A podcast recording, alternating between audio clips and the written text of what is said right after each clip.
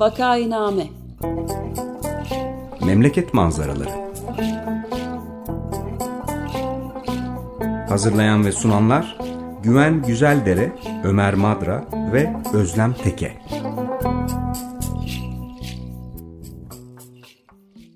Günaydın, Vakainame'ye hoş geldiniz. Burası 95 FM Açık Radyo. Vakainame'yi Ömer Madra, Özlem Teke ve ben Güven Güzeldere birlikte hazırlayıp sunuyoruz. Bugün konuğumuz gazeteci Bahadır Özgür. Hoş geldiniz Bahadır Bey. Hoş bulduk. Merhaba Bahadır, hoş geldin. Hoş bulduk hocam. Merhaba. Konuğumuz Bahadır Özgür, Ankara Üniversitesi Siyasal Bilgiler Fakültesi'nde maliye okudu. 1996 yılında Evrensel Gazetesi'nde gazeteciliğe başladı. 2005'ten itibaren referans ve radikal gazetelerinde editör ve yazı işleri müdürlüğü yaptı. Radikal kapandıktan sonra Hürriyet gazetesine geçti ve kısa süre sonra istifa etti. 2018 yılından beri bağımsız gazetecilik yapıyor. 2021 yılında e, yılına kadar internet gazetesi Duvarda Köşe yazdı. Halen Bir Gün gazetesinde köşe yazarı olarak çalışmakta. Hoş geldiniz. Hoş bulduk.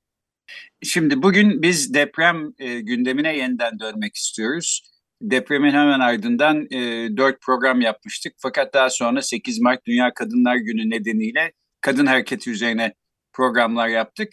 Ee, geçen hafta konuğumuz olan Pınar Seley'in duruşmasının da yarın, pardon bugün yani 31 Mart e, Cuma günü olduğunu hatırlatayım buradan. E, depremle ilgili konular bitmiyor. E, Bahadır Özgür bu konuları takip eden e, birkaç gazeteciden biri.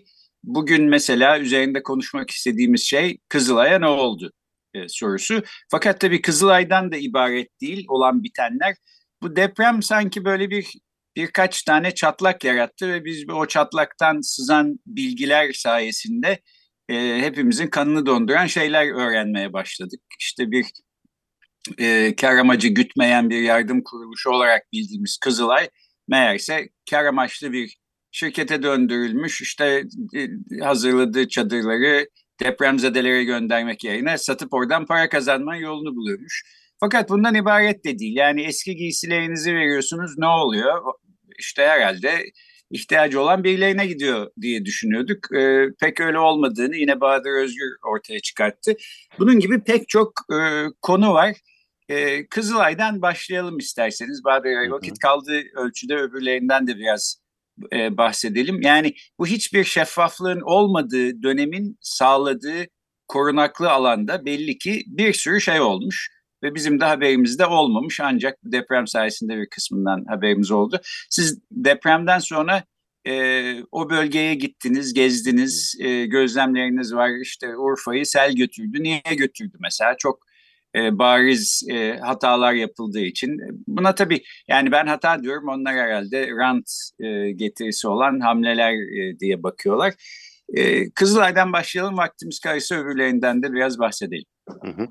E, yani bu büyük felaket tabii bir serencam oldu aslında 21 yılın. Hani baktığımız zaman e, aslında deprem neredeyse Türkiye'deki o 20-21 yıllık hatta aslında daha da geriye götürülür ama 20 yıllık o muazzam dönüşümün e, bütün e, şeylerini, cephelerini, veçelerini ortaya koymuş oldu. Kızılay da bunlardan birisi. Yani e, imar rantını gördük, yerel yönetimlerin ne hale geldiğini gördük, merkezi devletin ne hale geldiğini gördük afet kurtarmanın nasıl özelleştiğini ve şirketleştiğini gördük. Çok önemli dünya e, bu tür felaketler bunları ortaya çıkartıyor. Dünyada da zaten hep böyle görülmüştür. İşte Katrina kasırgasından sonra yaşananlarda da mesela Amerika'daki o e, şirketleşmenin neoliberalizmin, piyasacılığın nelere mal olduğunu görmüştük. Ya da işte Sri Lanka'daki tsunami'de 2004'teki yanılmıyorsam ya da 2005 ne olduğunu görmüştük. Aslında yaşananlar e, bir bu genel dönüşüm, genel devlet,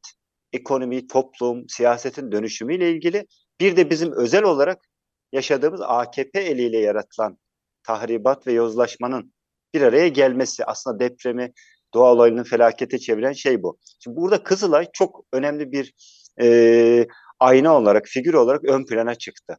E, çünkü bize hem arama kurtarmanın, hem yardım etmenin, hem merhametin, işte vicdanın, e, topluma karşılıksız hizmet etmenin de ne hale geldiğini çok çarpıcı bir şekilde ortaya koyduğu için Kızılay ön plana çıkıyor. Tabii Kızılay'daki e, Kızılay niye bu hale geldi sorusunun e, iki şekilde yanıtlamak lazım. Hani iç içe geçmiş bir vaziyette. Birincisi Kızılay bu iktidar elinde bir rant, bir kadrolaşma, e, kaynakları paylaşma ve esasında iktidarın önemli bir bileşenini oluşturan tarikat, dernek, vakıf, cemaatler arasında eşgüdüm sağlayan bir kuruma dönüşmesi var. Bir böyle bir politik ve iktidar için iktisadi bir anlam var. Bir kadro e, yeri. Önemli kaynağa sahip. Burasındaki önemli kaynakların nereye nasıl aktarıldığını bilmiyoruz. Bir örnek verelim. Mesela Kızılay Tanzanya'ya da yardım ediyor. Afrika'ya da yardım etti. Mesela Kızılay Hatay'da, Samandağ'da 40 e, gündür çadır kent kuramayan Kızılay ve AFAD e, Suriye'de kuzeyinde birkaç gün içinde devasa çadır kent kurabilmişti. Dolayısıyla Kızılay işlemiyor değil. İktidarın arzuladığı şekilde işliyor aslında. İşlevi değişti. Bir bu yönü var. İkincisi belki daha da genel bir konu. Ee, devletin bir şirket gibi yönetme mantığının belki de en çarpıcı unsurlarından, göstergelerinden birisi Kızılay'ın da şirketleşmesi oldu. Bu da daha genel bir eğilimle ilgili. Yani bu ikisi bir araya geldi ve bizim için bir felaket doğurdu. Şimdi e, Kızılay'daki e, iç kavgalar, işte politik hesaplar, iktidarın kadrolarının oradan nemalanmasını çok detaylarına girmiyorum. Onlar çok aslında bilinen pek çok kurumda rastladığımız şeyler. Ama esas itibariyle Kızılay dönüşümü bir şirket yani Kızılay Yatırım Holding'e dönüşmesi. E, 150 yıllık bir yardım kurumunun tüzüğünde, e, yönetmeliklerinde yazdığı işlevinden çıkaraktan kendisinin bir şirket, bir Kızılay AŞ'ye dönüşmesi meselesi. Buradan bakmak gerektiğini düşünüyorum. E, çok kısaca böyle bir hızlı bir şey vereyim ben tarih. E, Kızılay'da 2016'da aslında yönetmelikler ve statüsü değişmeye başlıyor. Bu statü değişimi iki şeyi getiriyor. Birincisi AKP'nin burada yoğun bir kadrolaşmasını getiriyor. Yani Kızılay bir dernek e, aslında Orada çalışanlar gönüllü çalışıyor. Bir ücret karşılığı almıyor. Ama statüsü değiştikten sonra Kızılay Genel Müdürlüğü yeniden yapılandırılıyor ve profes icracı kurullar e, hem karar alan, etkili olan kaynakları kullanan yetkilere sahip oluyorlar. Buradan bir idari dönüşüm başlıyor. 2018'e geldiğimiz zaman tam da başkanlık rejimine, tam da başkanlık rejimine Erdoğan tarif ettiği gibi devleti bir şirket gibi yöneteceğiz dediği günlerde Kızılay'da da 2018 yılından itibaren değişiklikler oluyor. Ne oluyor? Kızılay Yatırım Holding kuruluyor. Kızılay Derneği'nden bağımsız olarak, vakıftan bağımsız olarak bir yatırım holding kuruluyor ve aslında Kızılay'ın kendi bünyesinde olan bütün faaliyetler 11 şirkete bölünerekten ayrı ayrı bu yatırım holdinge aktarılıyor. Yani profesyonel bir şirkete dönüştürülüyor. Bu şirketlerin hepsine profesyonel kadrolar at atanıyor. Bu şirketler Türk Ticaret Kanunu'na göre kurulduğu için birer şirket vasfına sahip. Dolayısıyla denetlenmeleri de buna dair. Yani denetim, de, kamunun denetiminden çıkmış oluyor. Özel bir şirketle anlaşıp denetlenebiliyorsunuz. Bunu kamuoyuna açıklamak zorunda değilsiniz. Bütün işlerinizi ihaleyle yapma yetkisine sahip oluyorsunuz. Yani yüzde 95 Kızılay bütün ihtiyaçlarını ihaleyle karşılıyor. Şöyle enteresan bir durum doğuyor. Hem şirket hem e, yardım kuruluşu olduğu için ihale yapma mecburiyeti de kalmıyor ortada aslında. Hani hem ihaleyle karşılıyor hem ihaleyi böyle açık ihale yapmak zorunda da değil. İstediğiyle anlaşma yapabiliyor. Dolayısıyla bu dönüşüm 2018'de başlıyor. Biz genelde e, Kızılay'ın yönetiminde Kerem Kınık'ı görüyoruz. Yani şu an kamuoyuna tartışılan. O aslında onun şu anki görünür statüsü gönüllü. Yani genel kurul seçmiş, genel kurul görevden alabilir. Esas itibariyle Kızılay Yatırım Holding'in yönetimine bakmamız lazım. Bir CEO'su var, CFO'su var, müdürleri var, gayrimenkul uzmanları var, e, finansçıları var. Yani tam anlamıyla dört dörtlük bir piyasada faaliyet gösteren bir şirket e, görünümünde. Tabii orada da şöyle bir şeyi hatırlatmak lazım. Kim bunlar? Kim yönetiyor? Bunlar nasıl atanmış? Bunu bilmiyoruz aslında doğrudan profesyonel piyasadan profesyonel kadrolar yönetiliyor. Mesela bütün gayrimenkulleri gayrimenkul şirketine aktarılmış. Nasıl değerlendiriliyor bilmiyoruz. Kiralanıyor, satılıyor.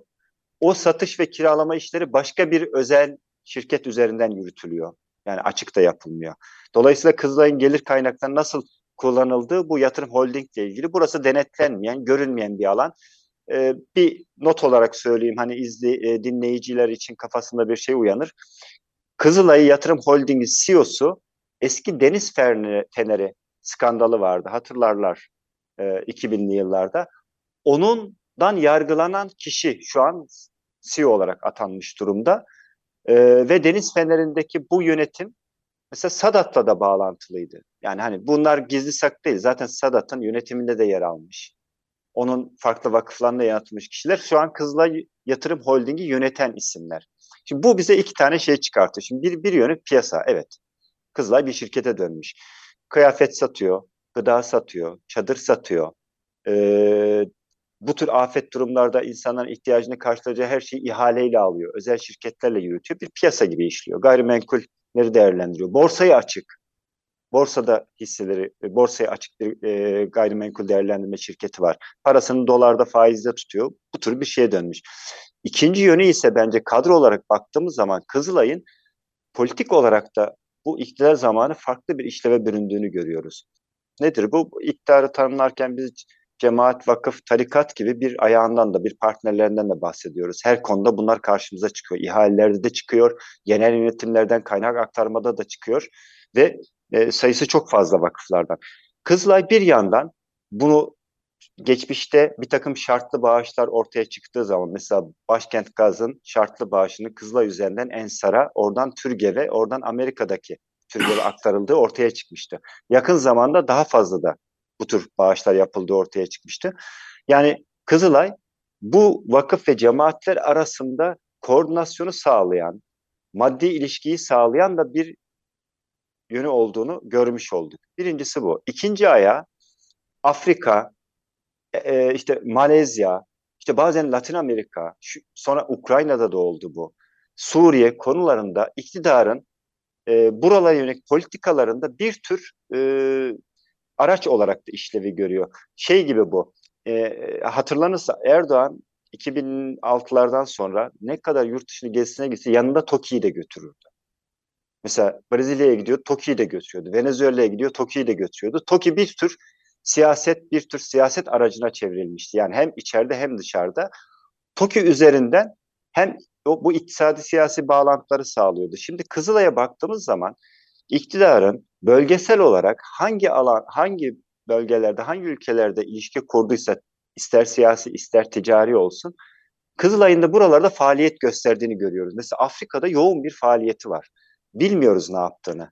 E, denetlenmediği için, şeffaf olmadığı için. Dolayısıyla e, Kızılay'ın bir de böyle bu iktidar mimarisinde hem e, denetimden kaçan hem kaynakları nasıl kullandığını bilmediğimiz e, bir e, araç rolüne de üstlendiğini de görüyoruz. Evet yani insan şaşırmaması gerektiğini bildiği halde şaşırmadan edemiyor bunlar böyle ortaya çıktıkça. Ben de bir şey bu noktada bir şey sormak istiyorum. Evet. Demin sözünü etti Suriye'ye müdahale aynı depremde değil mi? Yani Maraş merkezli depremde Suriye'de vuruldu tabii pek üstünde durulmuyor. Yalnız Türkiye'de olmuş gibi kabul ediliyor ama çok büyük bir en az 7 bin kişi filan hayatını kaybetti. Evet, evet. Milyon kişi yani yüz binlerce kişi de evsiz barksız kaldı. Oraya daha buradakinden daha hızlı müdahale etti öyle mi kızım? O, o, o değil. E, hatta oraya aslında gö, gö, oraya da müdahale etmesi gereken etmedi. Şu İdlib ha. harekatında etti hocam. Askeri harekatta İdlib'de henüz ha. o biriket evler kurulmadan o hani oradaki Arap nüfusunu taşıdığı Türkiye'nin İdlib'e yerleştirmek için Kızılay ve AFAD hemen kent inşa ettiler mesela anında askeri harekat sürerken. Binlerce kişilik e, çadır kentler kuruldu. AFAD yardım tırları götürdü. Bunlar hep biliyoruz aslında 2011'den 2012'den sonra e, yakın zamana kadar e, yardımların düzenli olarak gönderildiğini, Kızılay ve AFAD'ın orada buradaki bir takım tarikat ve cemaatlerin vakıflarıyla birlikte çalıştığını, bunlar hep e, açık kaynaklarda mevcuttur. Orada organize olduğunu gördük. Orada organize olabilen AFAD ve Kızılay neden Türkiye'de bu depremde organize olamadı? Bunu sadece liyakatsızlıkla, sadece iş bilmezlikle, sadece işlememekle açıklamamak gerektiğini düşünüyorum. Demek ki başka bir ülkenin toprağında bu kadar hızlı organize olabilen ve savaş zamanı organize edebilen kurumlar kendi ülkesinde, kendi toprağında olamıyorsa burada bir tercihten, bir e, e, işlev farklılığından bahsetmek gerektiğini düşünüyorum. Yani AFAD ne derece afet e, zamanları arama kurtarma faaliyeti yürüten bir kurum Ama e, ne derece bu işlevi yerine getiriyor, ne derece getirmiyor. Bu tartışmanın ben e, iş, e, işlevsiz kalmakla açıklanamayacağını düşünüyorum. Yapısı, işleyişi tam da böyle olması gerektiği için AFAD. AFAD toplumsal olaylarda e, bir yönlendirici, bir koordinatör, koordinasyon merkezi olarak planlanmış. 2012'den sonra böyle değiştirilmiş. Başına getirilen isimlere baktığım zaman İçişleri Bakanı nasıl bağlanmış. İçişleri Bakanı'nın alttaki kadrolara baktığım zaman arama, kurtarma ya da bu tür faaliyetlerde eğitim almış ya da bu tür meziyetlere sahip insanlar değil. Aksine mesela 15 Temmuz e, gecesi iktidar lehine sokağa çıkanları yönlendiren, organize eden insanlar AFAD'a yönetici olarak atanmış. Demek ki hani burada sadece bir basit bir kadrolaşma değil. Bu tür kurumları iktidarın nasıl kullanmak istediği, nasıl baktığıyla ilgili görmek lazım. Çok benzetmek değil, hocam çok tabii ki alakası ama hani sivil savunma teşkilatları vardı. Türkiye tarihinde biz bunlar hep ne zaman tartıştık? İşte 1950'lerden sonra NATO'ya girdikten hemen sonra kurulması o sivil savunma teşkilatlarının bir şekilde o dönem siyasi politik faaliyetleri halk içinde, işte esnaf içinde bir tür örgütleme aracına dönüştüğünü 70'lerde çok tartışılmıştır. 90'larda da bunu çok tartıştık. 2000'lerde de bazı davalar hep karşımıza çıkmıştır geçmişe dönük. Şimdi baktığınızda sivil savunma teşkilatı bu. AFAD'la Kızılay'ın yapısına baktığınız zaman hem hükmettiği maddi kaynaklara hem işlevine hem bugüne kadar nerelerde faaliyet yürüttüğüne bir şekilde politik misyonu da yüklenmeye başladığını görüyoruz. O yüzden hani özet olarak uzatmadan ben şey söyleyeyim. Bence devlet depremde hizmet olarak bir sosyal devlet, bir sosyal e, vasfı olan bir devlet olarak yoktu. Ama otoriter, disipliner, e, oradaki toplumsal olayları engelleyebilecek bir yapı olarak sonuna kadar vardı sahada. Yani bizim gözlemimiz bu oldu. AFAD'da vardı, Kızılay'da vardı ama bunlar yardım kurtarma, arama kurtarma yapmıyordu. Çadır dağıtmıyordu ama ne yapıyordu? Gönüllü, gönüllü kurulan ağları müdahale ekibi olarak faaliyet yürütmüşlerdi. Mesela ilk yaptıkları bu oldu refleks. İlk refleksleri gönülleri engellemek, e, gönüllerin araba kurtarma çalışmalarını yürütmesini, e, o koordinasyonu sağlamasını engellemeye dönük ya da onların faaliyetleri üzerinde e, bir e, otorite kurmaya dönük faaliyet yürüttüler. Yani o yüzden deprem bölgesinde yoktu değiller. Vardı, vardılardı ama bu şekilde varlardı. Peki ben bir de şeyi de sormak istiyorum. Kimseye de soru sorma imkanı bırakmadım ama eski bir uluslararası hukukçu olarak e, uluslararası statüsü de var tabii hukuk için. Yani uluslararası Kızılay ve Kızılhaç federasyonları var ve onlarla bağlı şeffaf ilişkilerde olması gerekiyor. Zaten e, gazeteci Murat Ağrel ortaya çıkartmıştı sanırım. Kızılhaç'ın Haç'la Kızılay arasında yaşanan bir sorunda ama orada da şöyle bir şey çıkmıştı hocam. E, Kızıl Haçlı konusunda da zaten bir tartışma var. Hani e, bu o, o Kızılay ile ilişkilerinde mesela işte e, özel helikopter uçak kiralanması, deprem bölgesinde Kızılaç'ın gitmesi, Kızılay'ın böyle ilişkileri çıktı. Ama açıkçası şunu söyleyerek tamamlayayım ben cümlemi. Hani çok hakim olduğum bir alan değil. Onun uluslararası statüsü veya uluslararası hukuktaki yeri ve bu yaptıklarıyla ne derece uyuş, uyuşmadığı konusunda hani ben çok yetkin değilim. Hani işin o kısmına bakmadım. Ee, o yüzden çok net bir şey söyleyemeyeceğim. Evet, ama yardım kuruluşları kesinlikle şeffaf olmak zorundalar. Hiçbir ha, şeyi gizli tutamazlar. O açıdan büyük bir çelişki var orada yani. Tabii kesinlikle. O hocam biz, e, şöyle bizim yasalara göre de aslında şeffaf evet, olmak zorunda. Aynen öyle. Yani tü, bizim bu beğenmediğimiz bu yasalara göre de e, Kızılay'ın bütün hesaplarının çünkü geçmişte böyle denetlenebilir olması, şeffaf olması, kamuoyuna açıklama yapması gerekir. Mesela bors 11 tane şirketi var. 11 şirketin hangi kaynağı nasıl yönettiğini biz göremiyoruz. Zaten mesele de biraz buydu. Şirketleşmek onu gözden kaçırmak için yaptılar. Ortada bir dernek vakıf var. Biz onu görüyoruz ama onun içi boş. Onun bütün kaynakları, bütün icracı kurumları, e, makamları Kızılay Yatırım Holding'in içinde. Oraya doğru kaçırılmış. Yani bir tür perdeleme yapılmış. O yüzden göremiyoruz. Evet, bugünlerde e, sosyal medyada dolanan bir haber var. PTT daire başkanlarına da pahalı montlar, ayakkabılar falan alınmış. Yani alınsın tamam ama bunlar gider olarak yazılıyor. Bu ne demek? Aslında farkında bile değiliz belki ama siz, ben, işte bütün Türkiye Cumhuriyeti vatandaşları bu insanlara mont ve ayakkabı almış durumdalar. Ee, şimdi tabii bunlar şeffaflığın olduğu e, ortamlarda kolay kolay olamıyor. Çünkü işte insanlar tepki gösteriyor falan. Burada şeffaflığın e, olmaması için böyle bir takım e, Ali Cengiz oyunları yapılmış belli ki. E, bu deprem olmasa Kızılay'ın bu halinden de biz haberdar olmayacak mıydık acaba? Yani e, ya da bunun ee, depremde ortaya çıkmayan ama başka böyle bir şeyler de mutlaka vardır tahmin ediyorum. Hatırlarsanız Türk Hava Kurumu için biz orman yangınları oldu. Türk Hava Kurumu ne halde olduğunu öğrendik. Neler öğrendik? Türk Hava Kurumu üniversite açmış, sahte diplomalar dağıtmış. İktidar mensuplarına diplomalar dağıtmış. Ne yapmış? Elindeki otelleri, gayrimenkulleri e, çok ucuzsa işte iktidara yakın kişilere ihale etmiş. E, kaynakları, uçaklara bakım yapmamış. Orman oldu, orman yangını biz THK'yı öğrendik. E, e, deprem oldu, Kızılay'ı öğrendik. Muhtemelen e, bu tür faaliyetler içinde olmasa da Yeşilay ya da el atılsa, Yeşilay'ın ne yaptığı da sorgulansa benzer bir şey çıkacak. Aslında ki, e, başka kurumlarda mesela bir Ulaştırma Bakanlığı'nda, bir Enerji Bakanlığı'nda gördüğümüz işleyişin aynısını, aynı yozlaşmayı, aynı e, kaynakları sadece belli bir zümre için kullanma pratiğini buralarda da görüyoruz. Hiçbir farkı kalmamış. Tabii buraların şöyle bir önemi var aslında. Bunlar e, yardım kuruluşları olduğu için statüleri gereği devlet istediği kadar kaynak ayırabiliyor, aktarabiliyor. Bu kaynaklar yardım adı altında e, istenilen yere transfer edilebiliyor. Bunların denetlenme yetkisi yok. Tehlikeli olan bu. Yani biz ne kadar bir kaynağın kimin elinde nereye gönderildiğini hiç göremeyeceğiz. Hiç göremiyoruz, bilmiyoruz. Kan verenler de kan verenler de bilmiyor zaten. Eşin, evet, on, onlar da bilmiyor. Üstelik mesela şey vardır. E, bir not olarak söyleyeyim.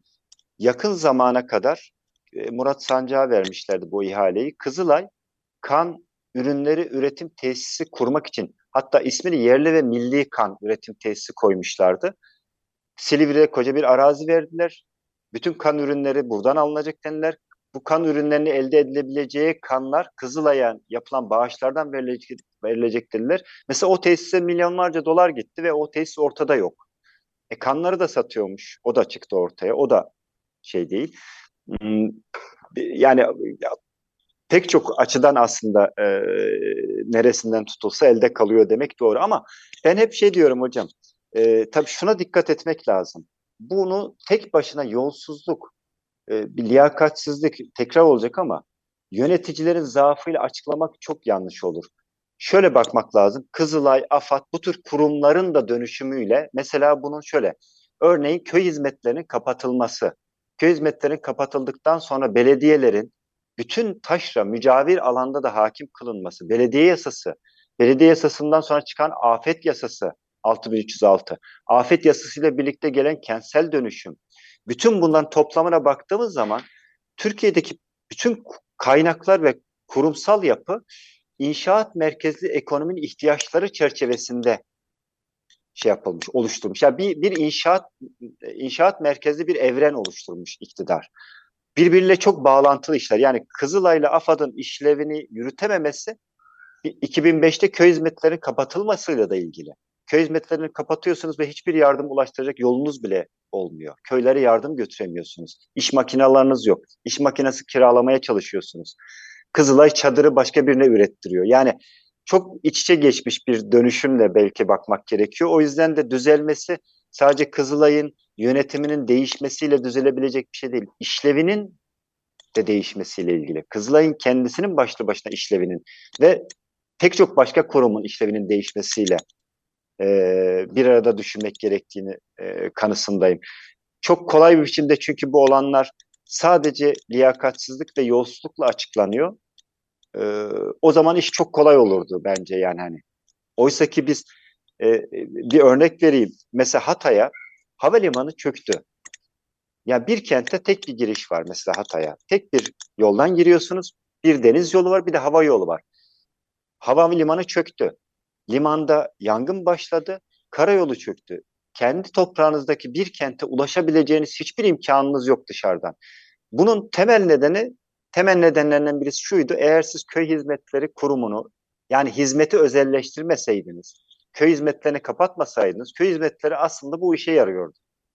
Elindeki iş makinalarıyla o yolları açabilen, o yolları bilen, gerekirse başka yoldan ulaşabilen bir kurumsal yapıya sahipti. Yani taşra dediğimiz, köyler dediğimiz alanlarda, mücavir alanda böyle bir kurum işlevliydi. Şimdi siz onu 2005'te çekmişsiniz devletin bünyesinden. Tasfiye etmişsiniz, belediyeye vermişsiniz bu görevi.